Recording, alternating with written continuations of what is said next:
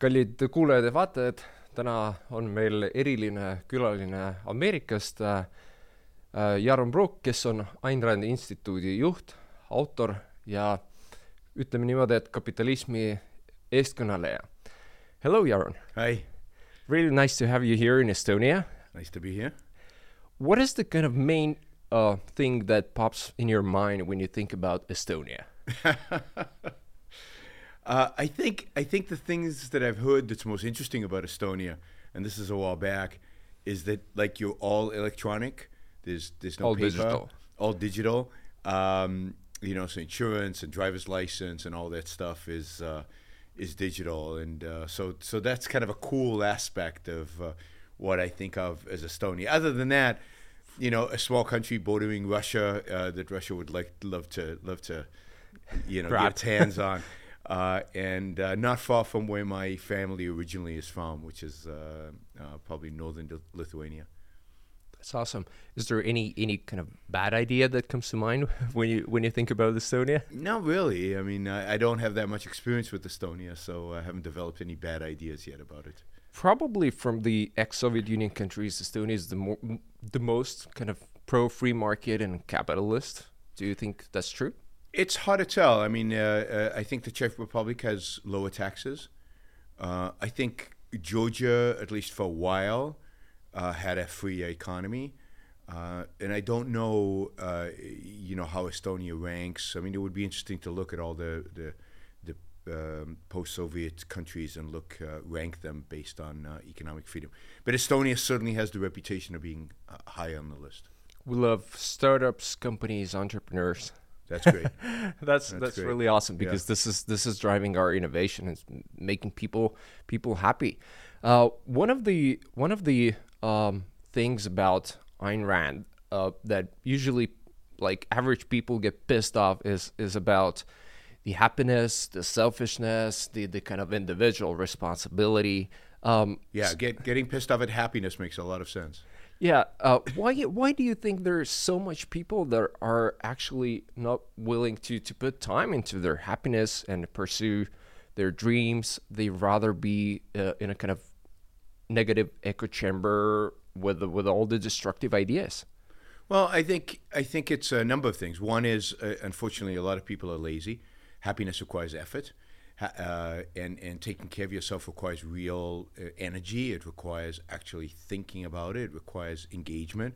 So so there's real effort and energy required. I think the second is that it goes against all of our teachings, everything we're taught from our priests to our family to our philosophers. Uh, you know, we are taught that to be happy is to be selfish. Selfishness, we're taught, is bad. Uh, moral responsibility, our primary ethical responsibility is to other people. Um, and the most noble thing you can do is to be selfless.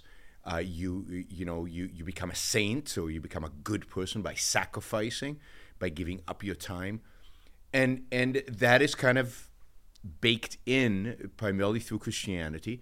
Uh, but even secular people, while they have maybe abandoned the mysticism of Christianity, they hold on to this moral code uh, as uh, you know because that is all they know, and they have been taught that the alternative, the only alternative to it, is a kind of uh, uh, nastiness. That is, if you're not going to sacrifice, if you're not going to be selfless, you're going to be, quote, selfish, which means to them, you're going to lie and steal and cheat and exploit other people and just be a horrible human being.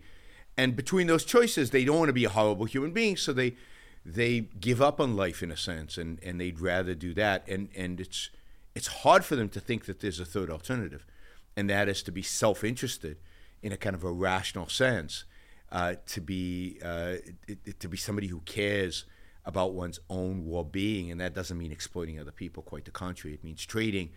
It means uh, creating win-win relationships with other people. But that's that requires effort, and it's hard, and it's it's a new philosophy. It's a new set of ideas.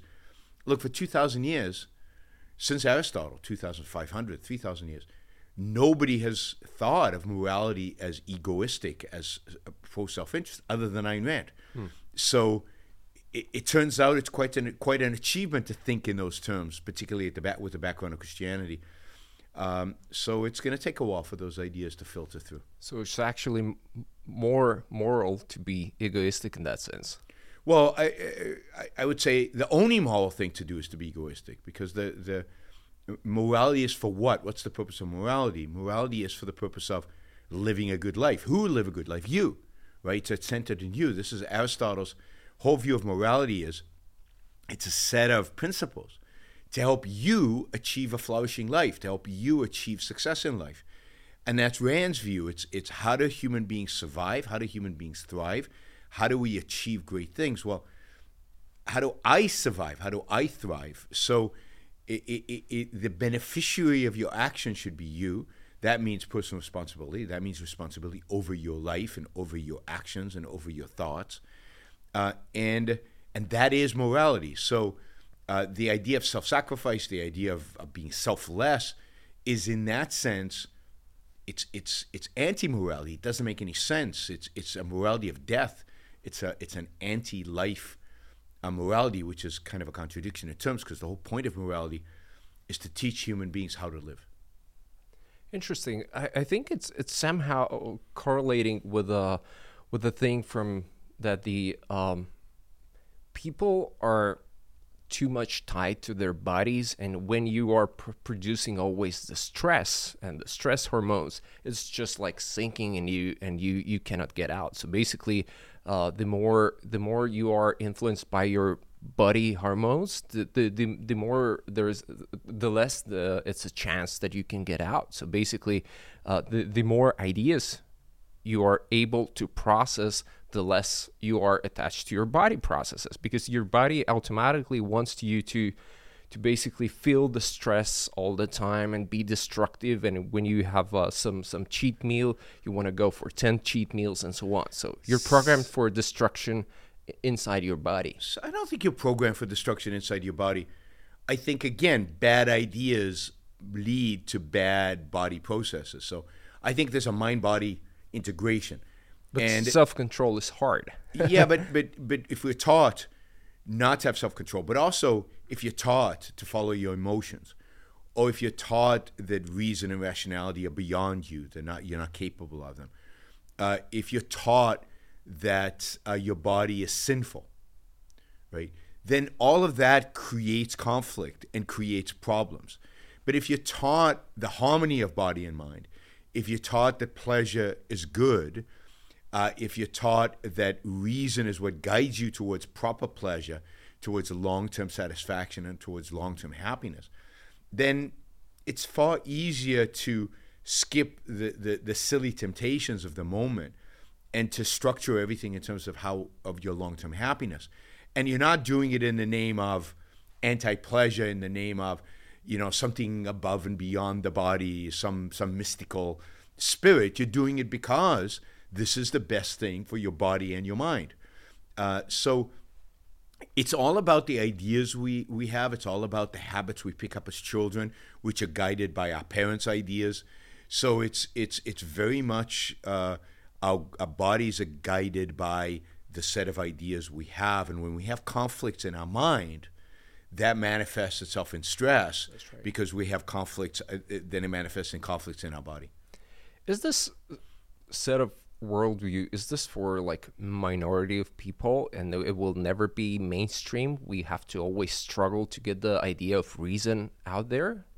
I don't think so. I think it can be a mainstream idea at least uh, in a in a in a certain sense. That is not everybody's going to be a philosopher not everybody's going to dig deep into this.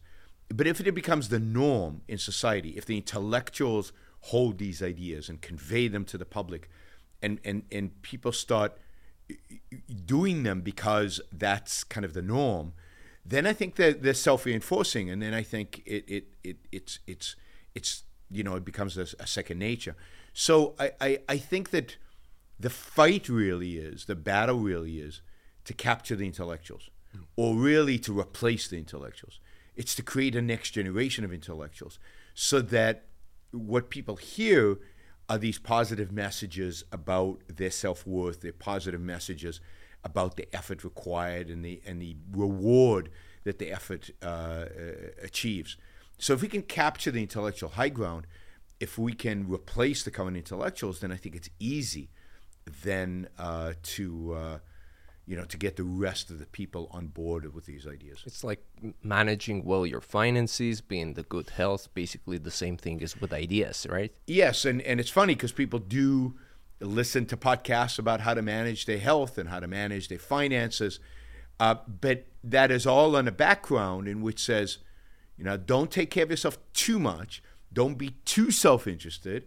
You know, remember you should feel guilty about your Right. success because you're not being Mother Teresa. You're not going out into Africa and, and, and saving uh, saving poor people. So uh, i i- it's this. th- There's this constant conflict inside of people's minds. There's which generates guilt, which I think is part of what creates these uh, disharmony within the body, the stress that that relates to. On the one hand, yeah, I have this feeling I have to take care of my finances. I have to do self help. I have to learn how to medicate, meditate, whatever. But on the other hand, I feel guilty because I'm taking care of myself and I'm supposed to do these other things, and that creates all kind of cognitive dissonance. Right. That's interesting.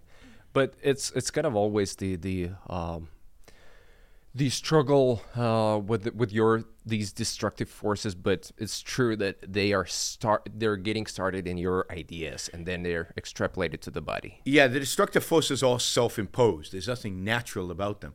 We're not born in, i i for destruction. Quite the contrary. We're born for growth. We're born for And that's for interesting, harmony. is because we have so much influence from probably Christianity that that was so much indoctrinating these ideas that you are destructive in your core and so on and so on. So we, Yeah, original sin. Uh, original sin is what? It's it's it's it, to some extent original sin is sex, right?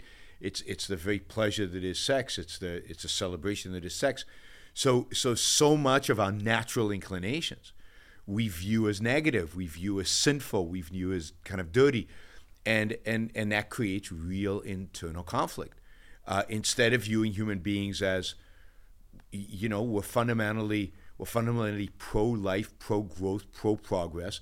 Sex is a beautiful, amazing thing, and if if if we're raised that way, if we grow up that way, if we abandon original sin and the idea that somehow a baby is sinful, there's something bad about just human life, then I think we can grow up w- with much more of an integrated approach to life, with ideas integrated uh, with our body and our soul, and as a consequence, be psychologically and and uh, spiritually much healthier. Right. Speaking of the ideas, um, I mean, in in our society here, even in Estonia, I think I consume ninety percent of the content that is coming from the U.S. So basically, all the podcasts, Navy SEALs, and everything. Yeah. But um, I try to choose the constructive content, but there is so much things that are coming from from from uh, the West that is uh, so um, crappy in terms of the, the gender and all these ideologies. Um, what's what's going on on the on this um, battle of ideas? Uh, why these ideas are appearing? What's what's going to happen to them? Because we can see that uh, these are directly transported even like to the smaller countries like Estonia, and you you have all the ideologies pretty active here as well. Yes, I mean, uh, it, it, once they get a root in the United States, they tend to spread all over the world, and the reason is that you know uh, our uh, our modern ideologies are dead. There are no modern ideologies. You know, kind of we have been cruising, if you will, on the ideas of the Enlightenment for a long, long time. We have science because of the Enlightenment. We have because of the rediscovery of reason, and because of the secularization of society. And yet, in the United States and in, in the West, those ideas of the Enlightenment have slowly been abandoned. The idea of reason has been undermined. We have postmodernism, we have subjectivism, we have emotionalism, we have uh, ideas that basically say uh, that there is no objective reality, that there is no objective truth. And, and these ideas that came out, look, they've been developing for a long time. The anti Enlightenment started immediately. It started with Rousseau and with Kant, Right. Hegel, Schopenhauer, Marx, Nietzsche. I mean, a whole line, uh, and then you get the postmodernists, and then you get the, and and all of that leads to a fragmentation of uh, a fragmentation of ideas, um, no cohesive integration of ideas, and it it it, it leads to uh, a distrust of um, of reality, a distrust of our own capacity to reason, a distrust of truth. So we now live in a so-called post-truth era, it's a complete disintegration of human knowledge. And that leads to crappy ideas, all kinds of crappy ideas. There's, there's no theme to the crappy ideas except that they're crappy and that they're disintegrated, they're non universal. And, and, you know, so what you get is this intersectionality type thing where, where people now compete. They take this uh, morality that says that the needy, uh, out of Christianity really, that, that the needy are virtuous, that need is a claim against everybody else, that people should be selfless and sh- they should devote their lives to helping the needy. And then they take that and they create hierarchies of need. Hmm. And and so if you're if you're a minority, you need more than if you're a white male. And if you're trans and a minority and da, da, da, da, da, da, da, all the all the all the combinations, kind of yeah. combinations of neediness, that gives you the ultimate. But it's all based on a combination of Christianity with postmodernism, mm. a complete negation of human reason. And, you know, will critical race theory survive in, in some form? Most of it, everybody can see as crap. Will it be abandoned? But what will replace it? More crap, a different variation of crap. Because the fundamental is, unless we're willing to go, in a sense, to rediscover the the the idea of one reality, of objective reality, reason as our means of knowing that reality, uh, logic as our means of discovering truth, real truth, and the existence of truth, and then the fact that we're not identified by our needs and our our weaknesses and our uh, failings, but that each one of us as an individual that, but there's certain universal principles that guide us all, certain moral universal principles, certain epistemological universal principles. That's what has to be rediscovered, kind of the uh, ideas of the Enlightenment, but better. And I think Ayn Rand takes the Enlightenment and makes it better. She she fills in all the gaps, all the philosophical backs, gaps and the holes, and that's what needs to be kind of discovered, rediscovered, and and only when we abandon the kind of uh, German romantic philosophies, we abandon kind of the postmodernism, the subjectivism, the moral and epistemological subjectivism. Can we get back on a path uh, towards, you know, reinvigorating our ideas and reinvigorating philosophy and reinvigorating science and and, and getting back to a, a, a pro a, a pro life path. Right. Yeah, it's it's sometimes it gets absurd in that sense that even uh, like here, uh, you you have people who are talking about the critical race theory, even though our society, our history is, is really off from all these topics, but people engage to them and they, they kind of think of uh, these problems as their own, even though they don't have any connection with that. But it, but it fits because, you know, Estonia is part of a Christian tradition right. that says that you have original sin. Original sin transmutes constantly what that constitutes. And now original sin is being white it's being European. It's uh, you know you're you're inherently uh, you know an oppressor. You're inherently quote privileged. You're inherently bad because you happen to have a certain color skin. It, you know, and and this we used to call this racism. Uh, identifying somebody based on the color of their skin and, and associating and, and it is it's it's basically a new form of racism and um, it, it's it's it, it truly is horrific but this is kind of the the fragmentation and the uh, anti-reason. I mean, uh, uh, how can you be against racism and then uh, accuse all white people of X or, or, or anything else? It's it's it's completely illogical, irrational, a negation of reason. And look, it comes from a background that there really was racism, that there really is racism today. So it's not out of nowhere. It's not in a void. Um, but it is a, a, a, another mutation of the Christian idea of original sin, the Christian idea of your moral commitment to selflessness. So you're not part of a group. What identifies you is not your moral characteristics as an hu- individual human being. What identifies you is a membership in a particular group. You're blonde and you're white, therefore you must be an oppressor. You must be part of a majority. and nobody cares about who you are as an individual. You're identified as those parameters. But again, that's all the same philosophy we've been dealing with since the end of the Enlightenment, hashed over, mutated into its various uh, forms. ugly yeah. forms. Yeah. yeah. Yeah, that's interesting, but it, it feels like we're just uh, in a specific phase of the history where we'll we will get over these ideas and come with the new ones. Well, the, the question is, will the new ones be better or will they be worse? uh, and it seems like the trend is towards worse ideas, not better ideas. There was a sense in 1991 when the Soviet Union fell apart that old that bad ideas were dead, right? And and that, that socialism was dead, but generally with socialism died a lot of the bad ideas associated with socialism.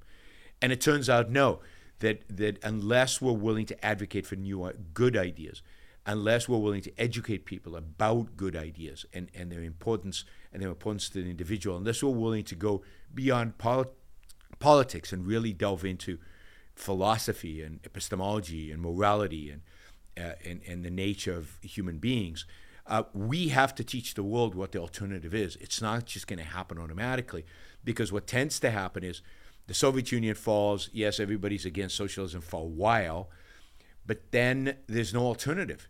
There are no other ideas to come in. There's no new ideas that introduce Because you have to work on this. because you have to work on this and, and, and, and people have to adopt those new ideas and they have to be intellectuals to teach these new ideas and so so people start looking for alternatives to socialism and they and, and they don't reject the foundation they don't reject the, the, the, the collectivism the, the anti-individualism. They don't they don't reject the anti-reason ideas of communism. So they adopt some other form of collectivism, some other form of anti-reason, and that's what we've seen over the last uh, 30 years, right? Communism morphing into now, you know, critical race theory or, or tribalism or fascism or religionism or whatever, but other forms of the same thing, uh, just reha- you know, hashed and, and constructed differently.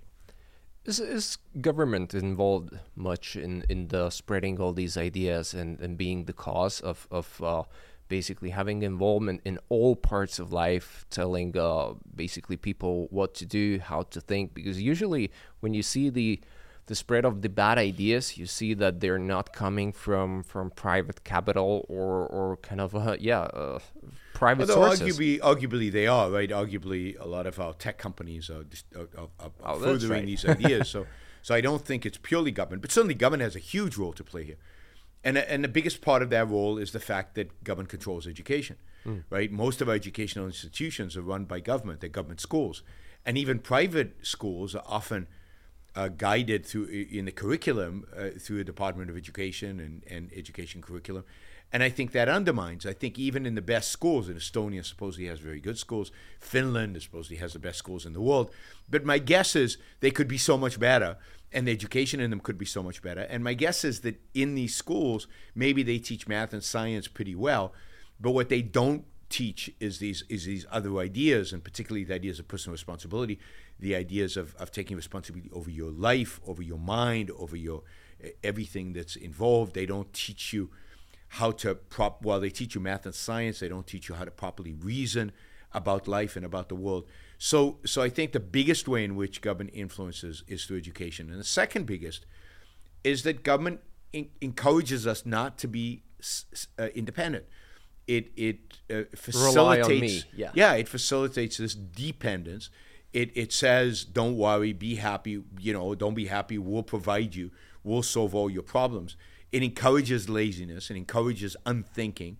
And then when you get the latest fad, ideological fad, government seems to embrace it. In the United States, certainly on the left with the Democratic Party, they embrace it. They try to codify it into law. They try to codify it into particular behaviors. Uh, you know, I think a lot of what's happening today around race is a consequence of the laws that were passed uh, during the civil rights era, uh, things like affirmative action and things like that, that, that kind of created a whole culture that was looking for, uh, you know, that looks at race and emphasizes race and focuses on race and, and makes a big deal out of race in the name of doing away with racism. And what and the actual result of it is that it's actually embraced racism and made racism worse.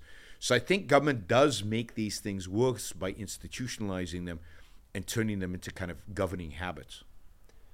Interesting. Um, I want to I want to talk a bit about uh, Ukraine in in the sense that um, there's there's a one guy who is uh, whose name is Alexei Arestovich, and he is uh, advisory to the president office. And what he's saying now is basically after the Ukraine will win, uh, there will be um, the new set of ideas spread from Ukraine, since they have fight for freedom, to the Europe, and Europe ideas will be replaced uh, by the new ones that will come from from these territories because people have been kind of uh, setting up a, a, a, new life with the the, the new wo- worldview and so on. Do you do you believe that uh, something can can come from there?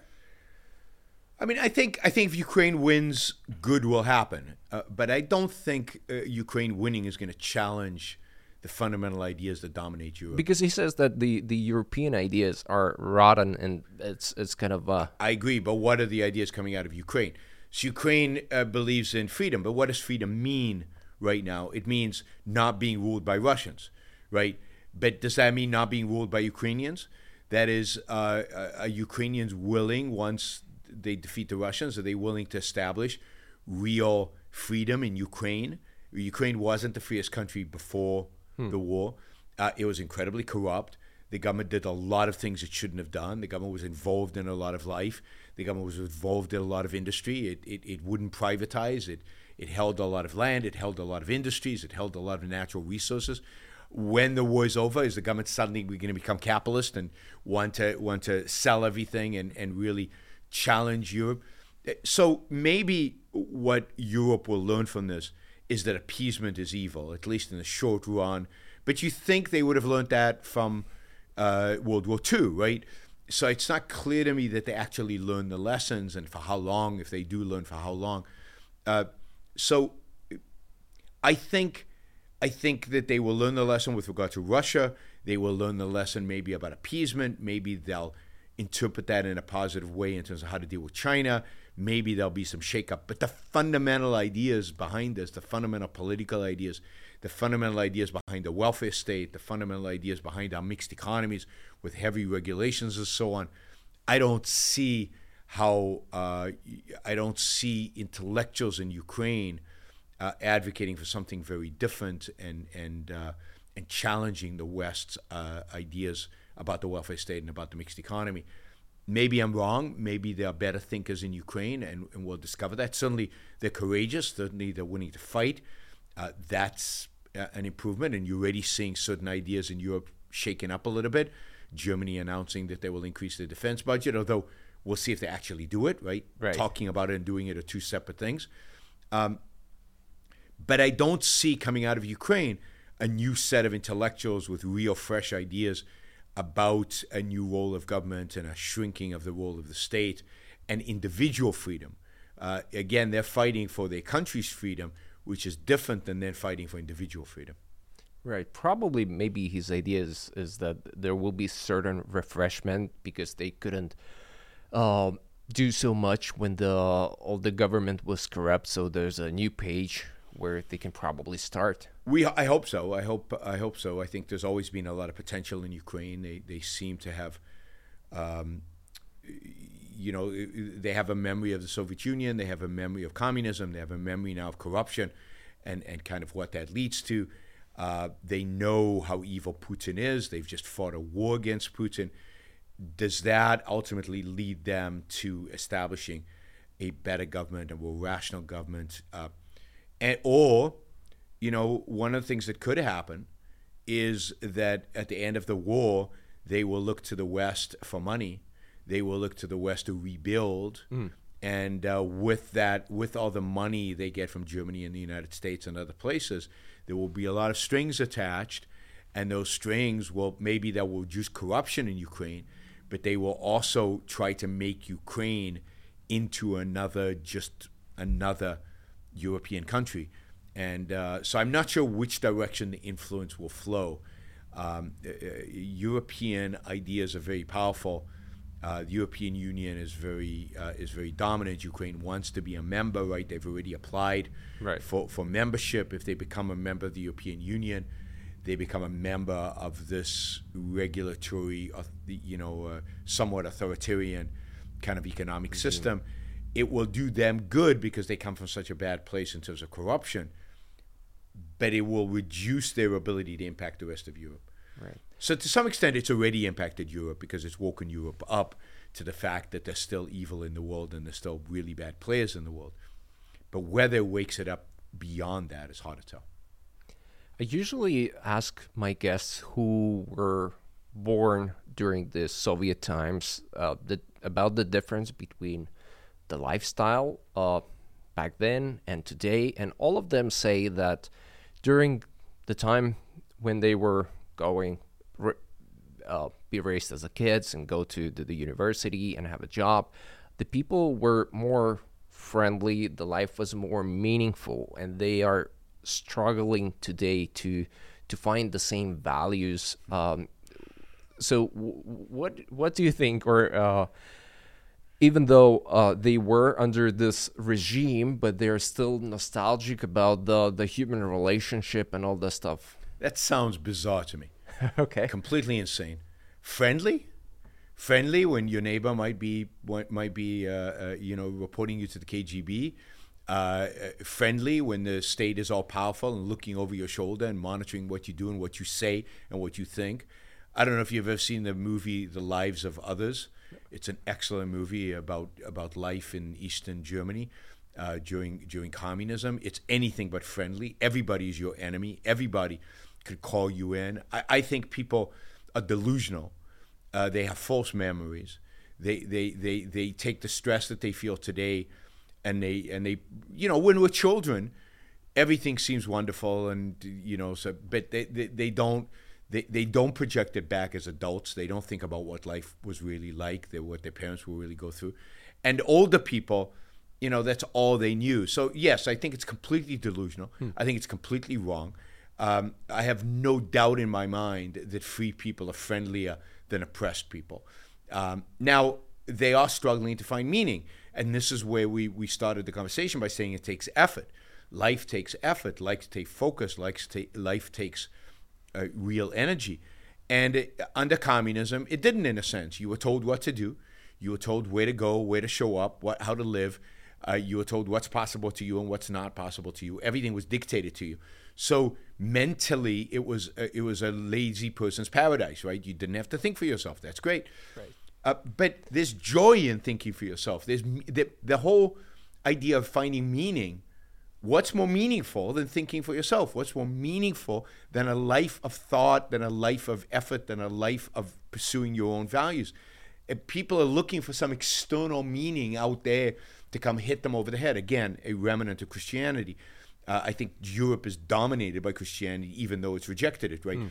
There's this idea of the meaning is out there somewhere, I have to go find it. No, the meaning is inside of you. The meaning is the, the, the choices you make about life. Meaning is about the kind of path of life you choose for yourself. Meaning is an independent, thoughtful life of reason. That is what meaning is. But that requires thought, that requires effort, and that requires risk taking because it's about you and there's no safety net in terms of thinking um, and and and advertise a certain independence. And unfortunately, because they grew up under communism, they were not trained to be independent thinkers. They were not trained to find meaning in their own lives. They were trained to look to the state, to look to others, to look to, to, to authority for meaning, for for for for uh, ideas.